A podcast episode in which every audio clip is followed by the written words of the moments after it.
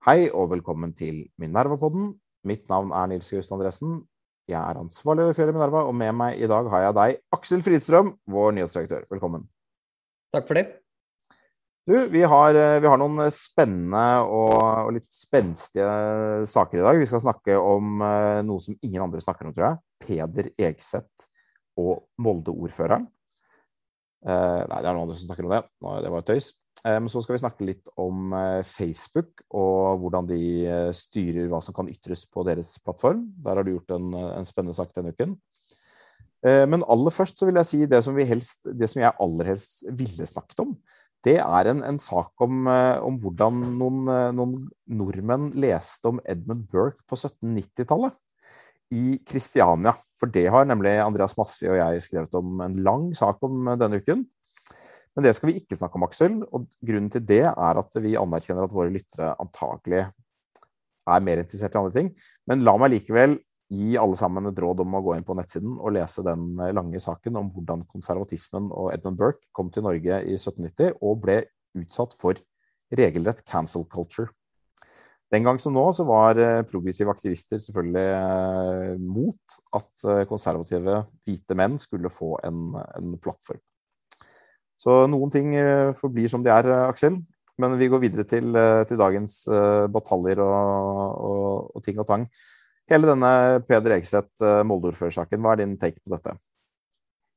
Nei, altså jeg Det er jo flere biter her. Altså jeg syns ikke at det han Molde-ordføreren, altså hvor han har problematisert denne skjevfordelingen av, av, av, vaksiner i seg selv, er så, så, veldig alvorlig. Jeg mener at den saken liksom er, er, er litt blåst ut av proporsjoner. Men eh, det er jo litt sånn jeg skjønner jo at pressen unektelig syns at det er litt interessant når man liksom får, får innblikk i dette eh, indre spillet på SMK, da, om hvem som liksom har iscenesatt hvilke type eh, opptøyer, eller hvilke type opprør og utspill, og hva visste Erna, og, og den type ting. Men jeg syns jo uh, det er jo et, et, veldig overdrevet fokus på det, og det som jeg syns gjorde det ekstra interessant, er jo at det, det denne ordføreren jo egentlig tar til orde for, det er jo egentlig litt det motsatte av hva regjeringen selv endte opp med. Ikke sant? For regjeringen har jo gått inn for å skjevfordele eh, vaksiner, og denne ordføreren sier jo at det liksom kanskje ikke er så bra, da, fordi at eh, det kan jo bidra til å belønne lavere etterlevelse av smitteverntiltak i Oslo, eller kanskje ikke Oslo kommune har liksom gjort nok i smittevernpolitikken. Så dette utspillet er jo litt en, et angrep nesten på det regjeringen eh, selv valgte å gjøre, nemlig skjevfordele flere vaksiner. Eh, til Oslo. Og selvfølgelig så var det jo, var det jo veldig interessant når eh, regjeringens politikk på dette ble, ble, lansert. For da går man jo inn for at Oslo skal få flere vaksiner, med den konsekvens at andre kommuner jo får mindre vaksiner. Men da var jo først og fremst Medie-Norge opptatt av hvorvidt liksom, regjeringen ville kunne ta avstand da, fra eh, det denne målordføreren har sagt, som jo det diametralt motsatt av hva regjeringen egentlig selv har foreslått. Eh, så det tyder jo litt på at liksom, mange journalister de blir litt, de blir litt forvirrede når, når, rollene byttes om, eller liksom meningene byttes om. Eh, så klarer de liksom ikke å, å, eh, å, å angripe kritisk den beslutningen som regjeringen har, har tatt. Da. For man blir liksom mer opptatt av spill om hvem som har ment hva og hvorfor, og, og, og den type ting. Men jeg syns det var var et artig paradoks, i det minste. Det er mange som har vært forvirret i denne saken. Eh, altså, det kan jo virke som Peder Exit også har vært litt forvirret om hva som var regjeringspolitikk. og En av grunnene til det kan vel hende kan vel kanskje ha vært at regjeringspolitikk endret seg omtrent på dette tidspunktet hvor denne kontakten eh, foregikk. sånn at Det ikke, det er ikke sikkert eh, liksom, at alle hadde like klart for seg akkurat hvordan regjeringspolitikk ville bli. Eh, og så har man jo ikke skjevfordelt så veldig mye, så man kunne jo tenke seg at det var eh, et argument mot å skjevfordele mer. Men jeg, jeg, jeg festet meg ved et par, par andre sånn, ting her. Og det ene er at altså, det ene er, Jeg, jeg syns jo det er tullete ting av en statssekretær ved SNK å drive med, i den forstand at eh, det bryter jo veldig med, med det som har vært Ernas liksom, image under hele koronakrisen som har vært å være eh, statskvinne og landsmoder og liksom sånn. Og man kan ikke både få landsmodergevinst og drive med dette her. Men rent bortsett fra det, så er dette i og for seg en ganske så, Hadde det ikke vært en alvorlig pandemi, så hadde jo dette vært ganske normal atferd for en for en person som jobber med kommunikasjon i politikken. Og det er jo litt den samme på en måte sånn skandaleavsløringen som kom da noen av Støres medarbeidere hadde bidratt til å skrive kronikk for, for Yngve Haagensen. Så ble liksom slått opp som Se sånn driver de på og spiller. Og det kan man jo selvfølgelig si, at sånn driver og spiller, men dette er jo en viss forstand helt alminnelig politikk der man hjelper hverandre å få ut budskap. ikke sant? Så det er den ene biten av det. At det er, eh, det er en alminnelig form for politikk som egentlig ikke burde overraske journalister i det hele tatt, men som journalistene har eh, hoppet veldig på med et veldig sinne, eller veld, veldig intens dekning, da, som står i, i veldig kontrast til hvordan de har, i hvert fall mange aviser har dekket substansen i denne vaksinesaken. Altså at man har gått inn og vurdert argumentene for og mot ulike skjevdelinger Eh, noen aviser har gjort det nå de siste dagene. Aftenposten hadde en sak om det i dag eller i går, hvor man så litt på liksom, forutsetningene hos FHI og hva som skulle til for at det skulle redde liv og ikke og sånn. Men før denne beslutningen ble lansert, så var det jo ingen god og grundig dekning om det temaet som fordrer at man leser kompliserte rapporter og setter seg inn i modeller og tall og sånn. Men det, og, og, nettopp mot den bakgrunnen da, så er det ganske interessant hvor ekstrem oppmerksomheten er mot denne type politiske saker som, uh, som journalistene mye enklere liksom catcher som en interessant sak. Og jeg syns det er et sånn gjennomgående problem for store deler av den politiske journalistikken at man er det er veldig lett for politiske journalister å skjønne de tingene som har å gjøre med mediehåndtering og uh, Eller i hvert fall om man ikke skjønner det fullt ut, at man, i hvert fall, man, man catcher at her er det annet man kan skrive om. Uh, det er lette saker, og det er lett å skape um, et narrativ og en story og motsetninger og sånn. Mens det er mye mer komplisert å lage god journalistikk på, på de underliggende, underliggende, sakene. Så Det er liksom det ene jeg har merket meg det. Det andre er at det er, eh, det er Dette spiller jo inn i hele denne Oslo uh, Opprøret mot Oslo. Uh, spørsmålet som er blitt uh, gjennomgående i politikken på mange måter. Og, og, det virker som om også mange journalister både ser, ser hele spørsmålet i det, i det, bildet. At man tenker at liksom, argumentet mot å gi noe til Oslo, det er, det er bare Oslo-hat. Og, og, sånn sett så ble han Molde-ordføreren en sånn yndet takkekylling da, som fremsto som han snakket Oslo ned og kjeftet på Oslo. Kanskje liksom, eller, kan snakke mer om det etterpå, Aksel, men eh, liksom antydet dårlig etterlevelse. Kanskje det var noe med innvandrere. Liksom et, eller annet sånn Eh, bygdetullinger som angriper eh, storbyen. Det er liksom det narrativet som mange av journalistene har, har laget. Men realiteten er at dette er en veldig kompleks faglig vurdering, hvor FHI har jo da endret standpunkt, eller endret anbefaling. Eh, delvis i tråd med ny informasjon om vaksiner og sånn. Og, og delvis fordi epidemien har endret seg og smitten i Oslo har, eh, har økt. Så, så det, er jo, det, er jo, mer naturlig å se denne saken egentlig i lys av det, men den har både glidd veldig inn i en sånn hva man syns om Oslo, og det styrer veldig hvordan man reagerer på saken. Men litt fordi det nettopp har blitt sånn, så er mitt inntrykk også at eh, utenfor både journalistboblen og store deler av Oslo, hvor folk er opptatt av at de har blitt angrepet og syns at det er veldig urimelig, så, så, er ikke folk så opptatt av at denne Voldo-ordføreren har sagt dette her, og er ikke så opptatt av at Peder Ekseth har uh, snakket med en partikollega. Liksom. Så jeg, jeg, tror ikke at dette kommer til å liksom, rokke noe vesentlig ved si, Erna Solbergs uh, oppslutning i landet og sånn. Men det er, det er, noe som spiller veldig inn hos en viss type, i en viss type journalistikk. Ja, nei, altså jeg tror det, eh, det er jo enig i det ene du sier, at dette er jo en, en ganske enkel sak å dekke, for vis. Det handler liksom om hva hvis det er nå, kan jeg få innsyn i disse SMS-ene, og dette er de SMS-ene jeg ikke får innsyn i, og du kan jo liksom skrive veldig mye om det. Men så ligger det jo også litt en sånn eh, en, en, annen grunn til at dette er en stor sak, og det handler jo litt om man går inn i hva denne eh, Molde-ordføreren jo sier. ikke sant? Han har jo to argumenter. Altså han peker på at det kanskje ikke Oslo har gjort nok, og da kanskje med henvisning til Oslos politiske ledelse. Men så sier han også at om befolkningen ikke har gjort nok. ikke sant? Og det er jo eh, kan jo være voldsomt provoserende ikke sant? for de som bor i Oslo, sånn som deg og meg. For jeg føler jo at jeg lever med ganske masse smitteverntiltak, for å si det sånn. Jeg føler ikke at de har noe, eh, noe som veldig mye mer jeg kan jeg har å gi på det punktet, men Ja, Det måtte det, være at vi droppet noen av grottefestene, da. Altså, kunne vært at vi droppet noen grottefestene. Ja. Mm. Og så er jo også uh, litt av elefanten i rommet, da, som folk nok liksom blir sure for, men som ikke er, er, uttalt. Og det er at det er jo veldig gode grunner til å uh, mistenke at etterlevelsen av smitteverntiltak i enkelte deler av Oslo, og kanskje enkelte demografiske segmenter, er, er, dårligere enn i andre deler av landet. Og at det sånn sett også kan liksom fremstå som en form for belønning da, eh, mm. ved å, liksom, å vaksinere de først. Og jeg syns at det er et helt jeg må si at jeg synes at det er et helt legitimt argument. Altså, jeg er uenig i den konklusjonen. Altså, jeg har jo selv skrevet opp at man eh, bør vaksinere de stedene hvor det er størst smitte, smittetrykk. Og til og med eksplisitt at kanskje innvandrergruppene burde få den AstraZeneca-vaksinen før. Eh, men det er, til, det, er, det er jo ikke nødvendigvis usant at det skaper altså det som engelskmennene sier som 'perverted incentives', at du, du belønner en form for atferd som, som, som, ikke er bra. Men jeg tror at man, man, man kan likevel gjøre det, da, for jeg tror ikke det vil det, det, det vil skape presedens. Jeg tror ikke at folk vil, vil, gå inn for å bli smittet masse med korona fordi at man liksom setter i gang et vaksinasjonsprogram på, på, på stående først. Men det er, det er, et gyldig argument, det han kommer med. Du, du, tror ikke det skaper eh, presedens for, for, neste once in a century-pandemi i 2120? Nei, jeg tror ikke det. Men, det er, men, det er, men, han, men, han, men han, har, har rett i, ja, ja, ja. i, noe av det. ikke sant? Og... Altså, jeg synes det er interessant. Jeg, jeg tror det, det eneste som jeg, både, jeg, ikke er enig med, med ham, holdt jeg på å si der, eh, det er som du sier, det er på nettopp dette at det skaper presedenser, at det er en belønning som har noe å si. Eh, og, og derfor det, bør det heller ikke ha noen konsekvenser for hvordan man vurderer eh, hvem som skal få vaksine.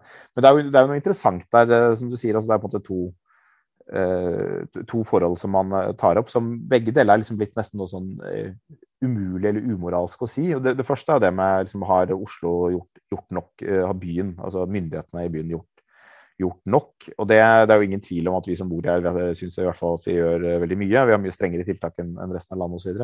Men det er jo allikevel et, et faktum at Raymond Johansen jo flere ganger har havnet i en ganske selvvalgt klinsj med med Bent Høie. Uvisst hvor mange kommunikasjonsrådgivere som har vært med i de, i de klinsjene. Men, men eh, hvor Høie har da ment at, han, at, man burde hatt flere tiltak for å hindre at man fikk så høy smitte. Hvor, eh, og det er ikke åpenbart at uh, Høie har hatt rett i de tilfellene, det er jo en avveining hele tiden. Men, men, uh, men det, hvor, spesielt i høst så var det jo et tilfelle hvor Raymond var veldig tydelig på at man ikke innførte de tiltakene som regjeringen Eh, ønsket at man skulle innføre, og som Helsedirektoratet og FHI anbefalte at man skulle innføre. Så, så det er jo liksom eh, Hvis man støttet eh, Raymond den gangen Jeg og jeg var eh, Jeg eh, mener å huske at jeg hadde, skulle ha en middag akkurat en av de dagene hvor, hvor det skulle bli innskrenket fra ti til fem, eller hvordan det var, og lurte veldig på hvordan det skulle bli, og hadde sympati for Raymonds ståsted. Men Eh, men hvis man støttet ham den gangen, så må man jo også akseptere at andre eh, sier at det var feil. Eh, at dere burde lyttet på de tiltakene, selv om de er strengere i Oslo, selv om man anerkjenner at dere lever med mer tiltak fordi det er en, en stor by. Så må man anerkjenne at det da kan være kontroversielt. Og så er det på en måte nettopp denne andre elefanten i rommet som du snakker om, som er innvandrerbefolkningen. Selvfølgelig ikke hele innvandrerbefolkningen, at det er grupper av befolkningen der det er systematiske ting som gjør at um, eh, man kan tro at etterlevelsen av smitteverntiltak er dårligere. Det har vært behandlet eh, flere ganger i ulike sammenhenger. Eh, noen ganger i mediene. Aftenposten har jo hatt flere saker om at noen innvandrergrupper har mindre tillit til staten pga. forhold i land der de kommer fra, og derfor følger de ikke opp. Noen ganger også, det kan være, det kan være andre ting, språkbarrierer osv. Uh, av og til andre kulturelle forhold. Det har vært belyst i noen medier. Det, har, det, har vært, det er jo omstridt. Når det har vært i mediene, så har det ofte vært sånn Ikke skriv sånne ting, det nører opp om fordommer og sånn. Men, men uh, det har jo liksom vært, vært der. Og, og, denne gangen så står det jo i FHIs rapport at, man, uh, at etterlevelse av smitteverntiltak i deler av, altså de delene av byen som er aktuelle for for, å få flere vaksiner, at der har etterlevelse av smitteverntiltak vært dårligere enn man skulle ønsket. Det er vel formuleringen de bruker. FHI skriver selvfølgelig ingenting om, eh, om liksom ulike etniske grupper, eh, men det er jo altså i, i, noen av disse bydelene så står jo innvandrere og, og norskfødte med to innvandrerforeldre for eh, i, det, i, det, meste på 60% av befolkningen, så det er jo åpenbart at det er det må i hvert fall angå også den delen av befolkningen, for å si det, å si det sånn. Og det er jo sånn det er et tema som man ikke skal være på bastant om. jeg tror vi, liksom, vi, må vente med Det må komme litt forskning og, og sånn om noen år for at vi skal se både hva som er hva, hva som er trangboddhet, hva som er yrker, hva som er kultur, hva som er eh, andre faktorer som språkforståelse, kommunikasjon, liksom, mange forskjellige ting. Men, men eh, det er jo helt plausibelt, liksom, on the face of it, så er det jo helt plausibelt at et annet forhold til staten og et annet forhold til, til fellesskap, eh, andre former for samvær, eh, kanskje et annet kanskje i noen grad, og for noen, et annet forhold til uh, skjebnetro og, og, sånn, at disse tingene kan virke inn på smittevernatferd. Det er en helt rimelig antakelse som i hvert fall ikke står i motstrid til uh, verken FHIs vurderinger eller mediedekning og, og, og, ting som er blitt, historier som er blitt fortalt. Da. Så det er jo ikke noe urimelig i å komme med et sånt utsagn. Uh, og så er utføringen kanskje at det er, uh, det er ikke sikkert det hjelper så mye å komme med et sånt utsagn, uh, annet enn at det skaper en del sinne. Men, så er det, viktig å, det er viktig å ha med også at regjeringen har jo nå brukt vel til sammen 65 millioner kroner er det bevilget på informasjonstiltak til, til innvandrerbefolkningen. Hvis mm. man bare ser på, på, antallet utenlandsfødte i Norge, som vel er en sånn 700 000, så, så er vi snart oppe i 100 kroner per utenlandsfødte i informasjonstiltak. Og man, man, man vil jo ikke bevilget så store penger til dette, ved mindre man mente at det hadde en eller annen mulig påvirkning på atferd. Så mm. det er mulig å ha en annen atferd. Så det, det, det, ligger jo der eh, egentlig helt implisitt, selv om folk ikke er villige til å, til å uttale det eh, eksplisitt. Eh, og, men som er veldig, veldig kontroversielt. ikke sant? Altså Folk blir jo sinte hvis du påpeker, påpeker det. Eh, men som det er jo veldig gode grunner til, til, til å mistenke, til å anta. og som man jo ser at det ligger som en implisitt føring for deler av den politikken som, som føres. Og jeg syns i hvert fall at en, en, en distriktsordfører som jo potensielt sett risikerer å miste vaksiner til sin egen befolkning hvis det kommer en eller annen form for skjevfordeling, mm. han må jo få lov å lufte sine bekymringer eller, eller, sine kvaler eller sine protester mot, mot en sånn skjevfordeling med de argumenter han mener å ha for det. Og Så kan man være enig eller uenig i de argumentene. Jeg er uenig i de argumentene, men jeg syns at det er hans hans rett å gjøre. altså Det er egentlig hans jobb å ivareta sin egen befolknings interesser. Eh, og så er det jo unektelig litt spesielt at det i dette tilfellet er statsministerens kontor som liksom som organiserer dette. Men det er ikke noe jeg, jeg klarer ikke å mobilisere en sånn voldsom moralsk forargelse da, for at dette har skjedd.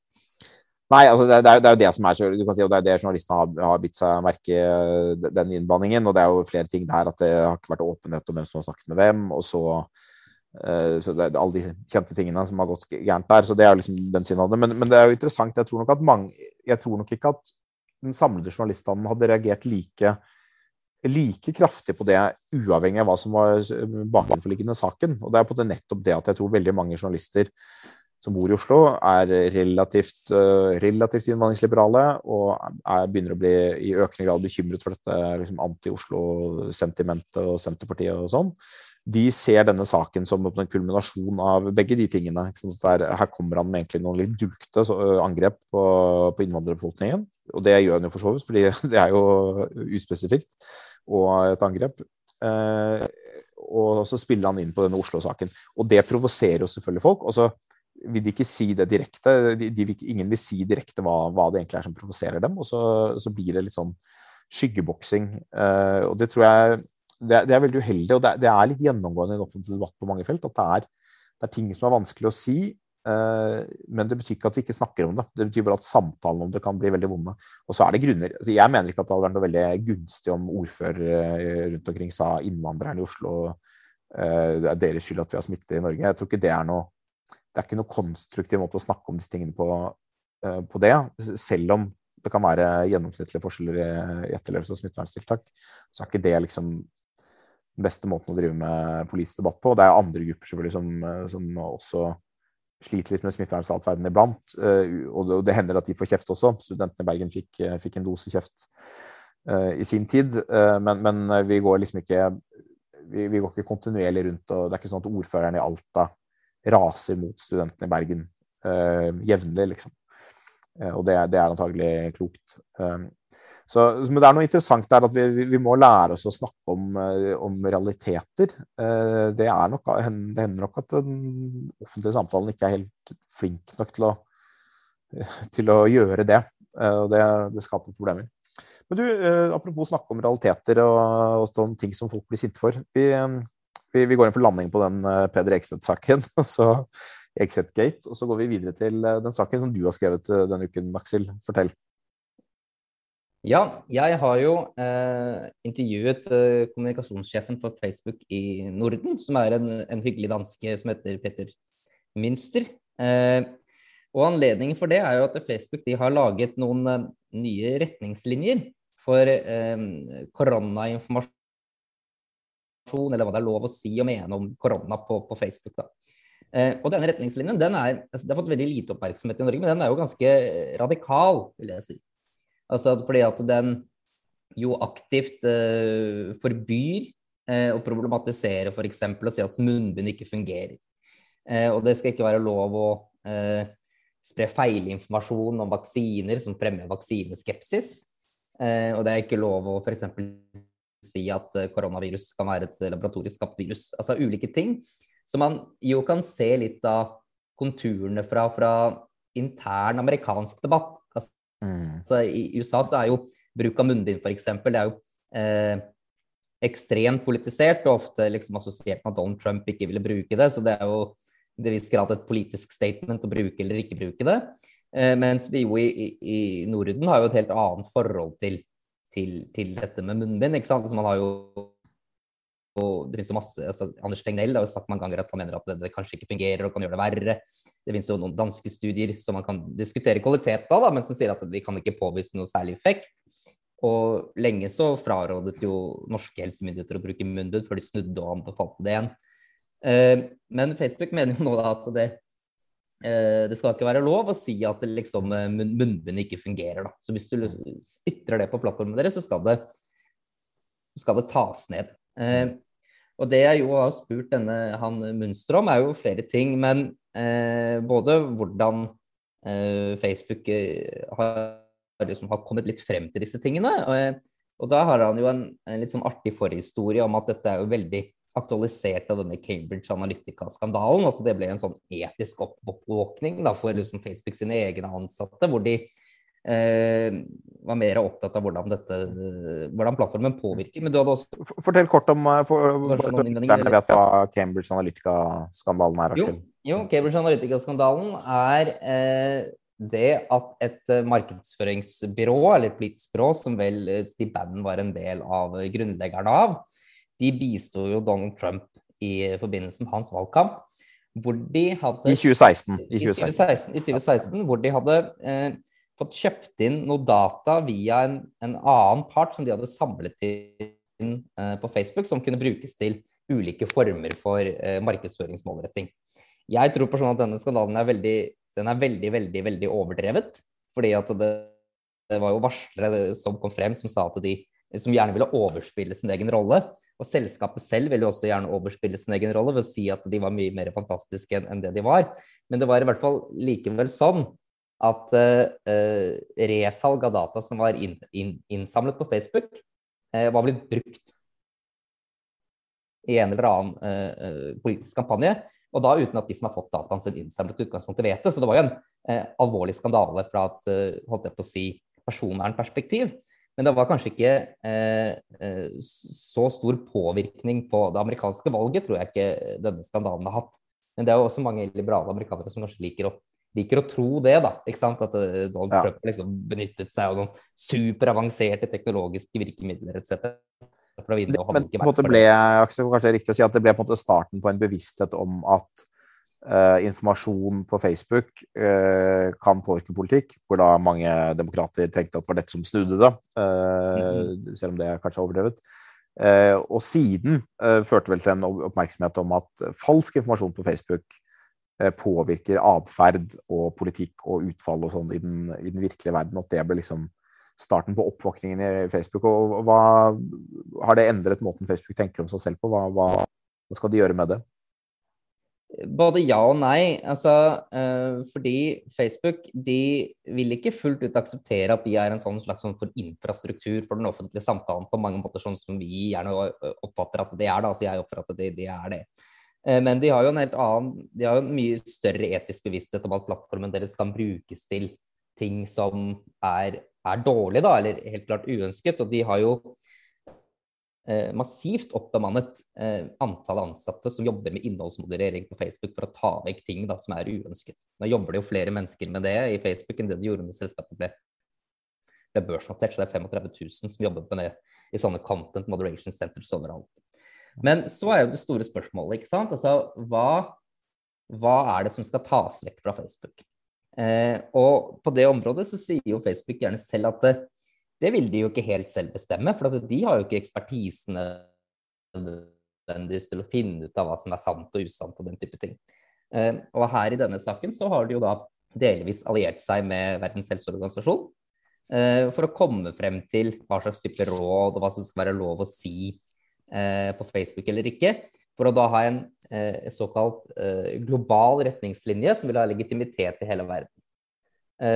men problemet med det kan du jo si at det er jo at hva som gir mening å kunne diskutere eller ikke diskutere om noe som komplisert som en pandemi, da, det er jo veldig, veldig, veldig lokalt betinget.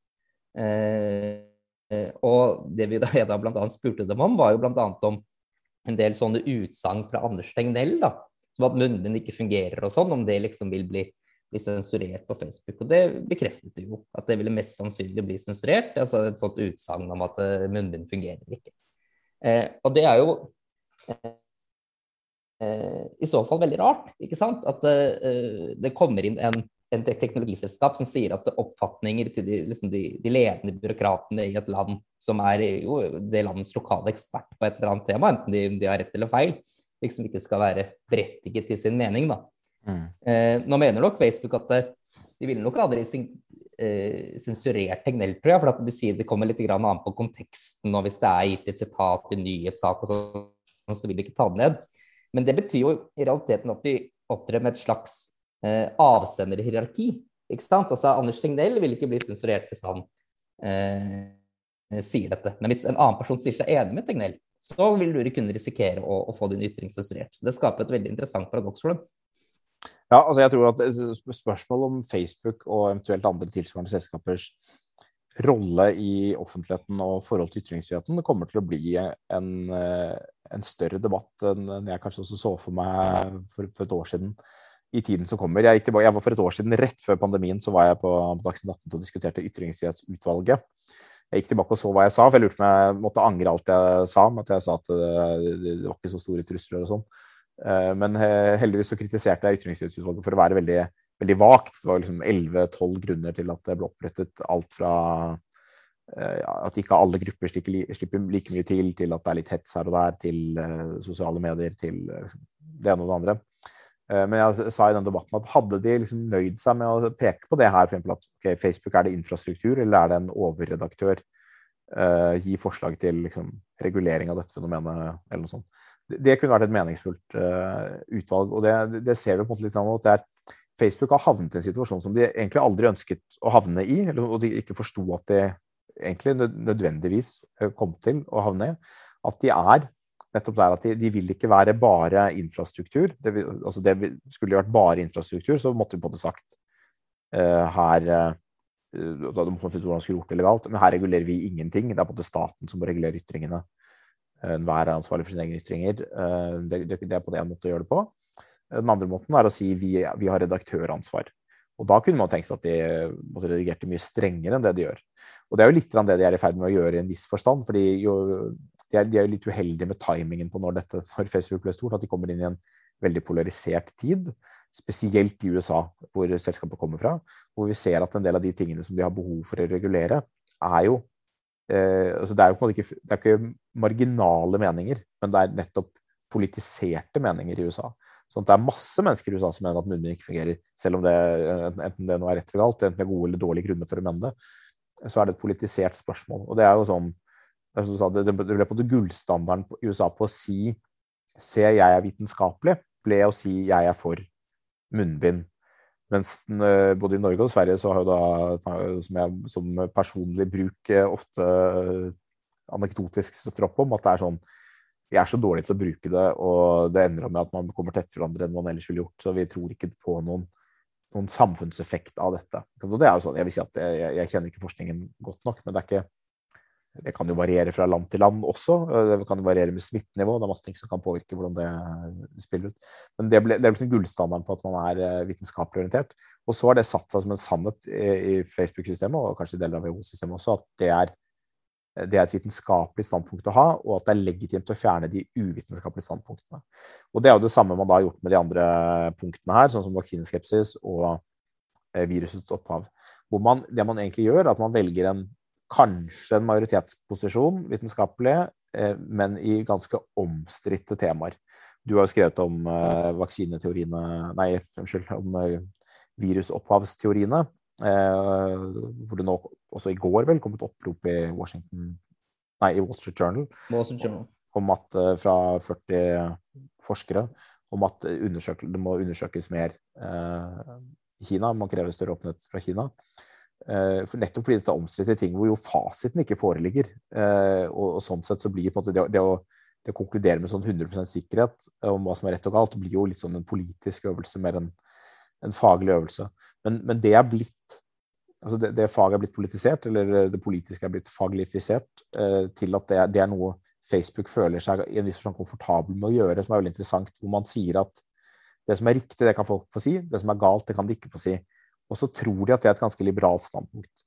Men realiteten er jo på en måte at hvis man sier det Vi slipper til alt som er sant, men alt som er løgn, det, det får ikke lov å stå. Eh, det er jo, et, jo grunnlag for ekstrem sensur. Altså, det er jo, nesten alle oppfatninger er jo omstridt. Så hvis man, eh, hvis man sier at alt som man mener ikke er sant, det må bort, så avhengig av hvem som får lov å sensurere, så vil det bli veldig mye sensur. Så har de selvfølgelig tilleggskriterium her, og det er at det skal være farlig. Så det er, det er på en måte det at det er det er farlig for pandemihåndteringen, det er derfor vi skal ta det bort. Eh, men det er også sånt som er altså det, er, det er veldig interessant. Man kan gå tilbake og se, se, hvilke ting som man kunne tenke seg sensurert med samme begrunnelse. Da, hvis du går tilbake til Norge for 20 år siden, da, hvis man hadde foreslått et hvis man sier det, det lønner seg ikke med innvandring, er det et, et galt og potensielt farlig utsagn som kan skape splid i befolkningen, eller er det et empirisk riktig utsagn? Jeg ser fint for meg at et sånn Facebook-aktør i 2002 kunne kommet frem til at dette utsagnet må forbys, for det er ikke faglig. Så det er en del sånne, skal, Man skaper veldig mange problematiske situasjoner. fordi de tingene som blir regulert, det er jo ikke sånne random ting som ikke har konsekvenser. Det er jo nettopp de tingene som er politisk omstridt, som blir regulert. Fordi de ville ikke hatt noe skadepotensial hvis det ikke var reelt omstridt. i en. Og så er det jo, altså det, Jeg føler at denne diskusjonen til Facebook altså det griper litt inn i eh, liksom, det, det, originale spørsmålet om, om demokrati, nesten. Og så går det tilbake til antikkens Hellas, hvor det, som liksom, jo Sokrates anfører liksom, når han står på tiltalebenken, er jo liksom Hvem i et samfunn er det som får lov til å bestemme hva som er sant? Ikke sant? Altså, mm. og han, han anfører at det er, det er i hvert fall ikke dere, ikke sant? Eh, og så blir jo mobben sure. og men, og så blir, dør jo Sokrates, men så kommer jo da også i kjølvannet han liksom Platon og Aristoteles da, forsøker å liksom utbrodere noen prinsipper. da, Både om hvem som får lov til å bestemme hva som er sant, men også hva som er et gyldig argument for hva som er sant. Og, og Facebook gjennom sin holdt jeg på å si, demokratisering av ordskiftet, da, for det er jo det Facebook eh, egentlig er, har liksom gjenskapt litt av denne samdynamikken, hvor man begynner å ha denne diskusjonen på nytt. Hvem er det som får lov til å bestemme hva som er sant, og hva er det som skal til for å si at noe er sant? Og de er jo veldig veldig tidlig ute i denne prosessen. Eh, og de ønsker jo selv egentlig ikke selv å levere svaret på disse spørsmålene. Det er jo derfor de ønsker å gå sammen med partnere som Verdens helseorganisasjon eller, eller eh, faktisk eller andre faktasjekkere for å finne ut av hvem er det som skal få lov til å bestemme hva skal til for at noe er sant. Men det er klart at med en gang selskapet griper inn i det, så stiller de seg jo veldig laglig til hogst. For det er ganske lett å gjøre feil når man eh, oppnevner seg selv til et slags uh, sannhetspoliti, eller ønsker å håndheve et sannhetshierarki. Det, det, er, det, er, dette kan vi snakke om mange ganger, Aksel. Det var en, eh, en, klok mann som sa til meg en gang at de aktørene som er villige til å samarbeide med Facebook om å fortelle dem hva sannheten er, det er ofte de aktørene som slett ikke burde gjort det. For de har jo et helt et simplistisk syn på sannhet og en overvurdering av sin egen evne til å finne den kan avsløre for lytterne at den kloke mannen var, eh, var deg, Aksel. Og du som sa det. Eh, men eh, det, det ligger jo på en måte noe i det at hvis du er villig til å gå inn og ta på deg en sånn rolle som hvem som skal bestemme hva som kan stå på en så stor plattform, så, så, er det et element av hybris der. Men det er jo noe annet interessant også, på at det er den, det, det, om man av og til tar feil i hva som er sant og ikke sant fra en redaktørrolle, det er jo ikke noe som historisk sett har vært noen katastrofe. Hvis en redaktør hvis jeg får et innlegg og så sier jeg dette er feil, jeg vil ikke, jeg vil ikke sette på trykk, jeg mener at det er feil og misvisende, så er ikke det noen katastrofe. Men hvis dette skjer på Facebook, så Eh, så er det veldig mange som opplever det som en katastrofe. Altså, de, de, opplever det, det å bli kastet ut av Facebook eller det å få poster slettet fra Facebook, det oppfatter folk som ekstremt inngripende. fordi jeg tror veldig mange opplever de på sin Facebook-side som sin private eiendom, nesten i en viss forstand. Uh, så det oppleves som ekstremt inngripende og skaper dem ganske store konflikter. Uh, det er det ene. Det andre er at Facebook har blitt en så viktig kanal for spredning av informasjon, selv om mye informasjon kommer fra tradisjonelle mediehus så har det blitt så viktig kanal for spredning. sånn at Hvis det er generelle regler, sånn at det ikke bare er en enkeltstående feil, men en, en regel som appliseres eh, konsekvent over tid, eh, så, så, vil det være helt annerledes om en enkeltredaktør ikke slapp noe til. Det vil være, liksom, du, du, vil ikke ha den viktigste kanalen for å, for å nå ut. Og det, og det, gjør, det er jo, Du har helt rett i at det er, vi må tenke gjennom det er, hvem er det som har rett til å bestemme hva som er sant, og hva, hva er forholdet mellom begrunnelsene for ytringsfrihet og eh, måten vi appliserer eh, si, ytringsfrihetsregimet på, det må vi tenke gjennom helt på nytt. Fordi det har vært tenkt for et system med eh, flere uavhengige aviser først, så radiokanaler, TV-kanaler. Det har vært bakgrunnen for måten vi har tenkt om si, maktbalansen i sannhetssøken på. Og, hvis den det, er ikke sånn at den er fullstendig torpedert i og med Facebook, men den er endret. Og det kan bli, den kan bli mer endret av andre ting. Og vi er liksom nødt til å tenke gjennom disse tingene uh, nye ganger før vi finner ut av det, tror jeg. Jeg må bare få lov å legge til at jeg mener jo at Facebook har, har, har, har rett til å gjøre de tingene de også vil på sine egne plattformer. Altså hvis de, hvis de ikke vil ha diskusjoner om vaksiner og den type ting på Facebook, så, så, så mener jeg til en viss at de har en rett til å, ta det vekk. På samme måte som andre som driver Hvis du driver en uh, musikkanal da, f.eks. På, på internett, og folk laster opp eget innhold, så har de rett til å ta vekk det som ikke er musikk, eller som ikke passer inn i, i, i hva de vil ha. Men jeg tror at det, det de gjør, er både uklokt for dem selv. Altså, jeg tror det, det, er veldig dumt for dem selv. fordi at de, de når de går inn og bestemmer hva som er sant, så blir de også på en vis en slags politisk aktør, som jeg ikke tror de ønsker å bli oppfattet som. Eh, og så tror jeg også det kan være faktisk ganske litt uheldig også sånn smittevernmessig. Fordi at eh, folk lever jo med veldig store tiltak fra før av. Og, og, hvis de opplever at det liksom en ytring de har på Facebook da, som sier nei, smitteverntiltakene er helt forferdelige og dette er bare tull og den type ting. Hvis vi da heller ikke får lov å lufte den frustrasjonen, Eh, og det mm. liksom, at, at, den retten til å si hva du vil på det du nesten opplever som din egen eiendom, da, altså din egen Facebook-side, blir tatt fra deg, så tror jeg folk blir enda sintere på tiltakene. For da vil tiltaksbyrden bare bli opplevd som enda tyngre for eh, større deler av befolkningen. Mm. Så for meg så virker det uklokt. Eh, og i hvert fall i land som Norge, hvor man har egentlig veldig høy tillit til, til, myndighetene. Altså, jeg tror liksom ikke at tilliten til myndighetene vil kollapse da, om folk liksom begynner å skrive masse på Facebook om at de ikke tror på de og de tiltakene. og den type ting. For det er en del av hvordan vårt system fungerer. Men, men hva, hvis han Molde-ordføreren hvis han hadde skrevet på Facebook i Oslo er det mye smitte med dette laboratorieviruset fordi eh, innvandrere bruker munnbind feil. Burde den posten vært slettet, eller burde den få lov å stå?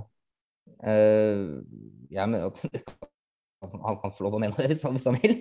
Eh, jeg syns ikke, ikke, det burde vært slettet, men jeg er ganske sikker på at det ville blitt slettet etter Facebooks retningslinje. Men da er det vårt råd til, eh, til Peter Ekseth. Neste gang, eh, ikke lag noe oppslag i VG, men få Molde-ordføreren til å skrive en post på Facebook som blir slettet. Og dermed blir det heller ingen nasjonal skandale. Du Aksel, jeg tror det var det vi rakk i dag. Jo, takk for praten. Det var veldig hyggelig. Informativt. I like måte. God helg til alle. Ha det godt.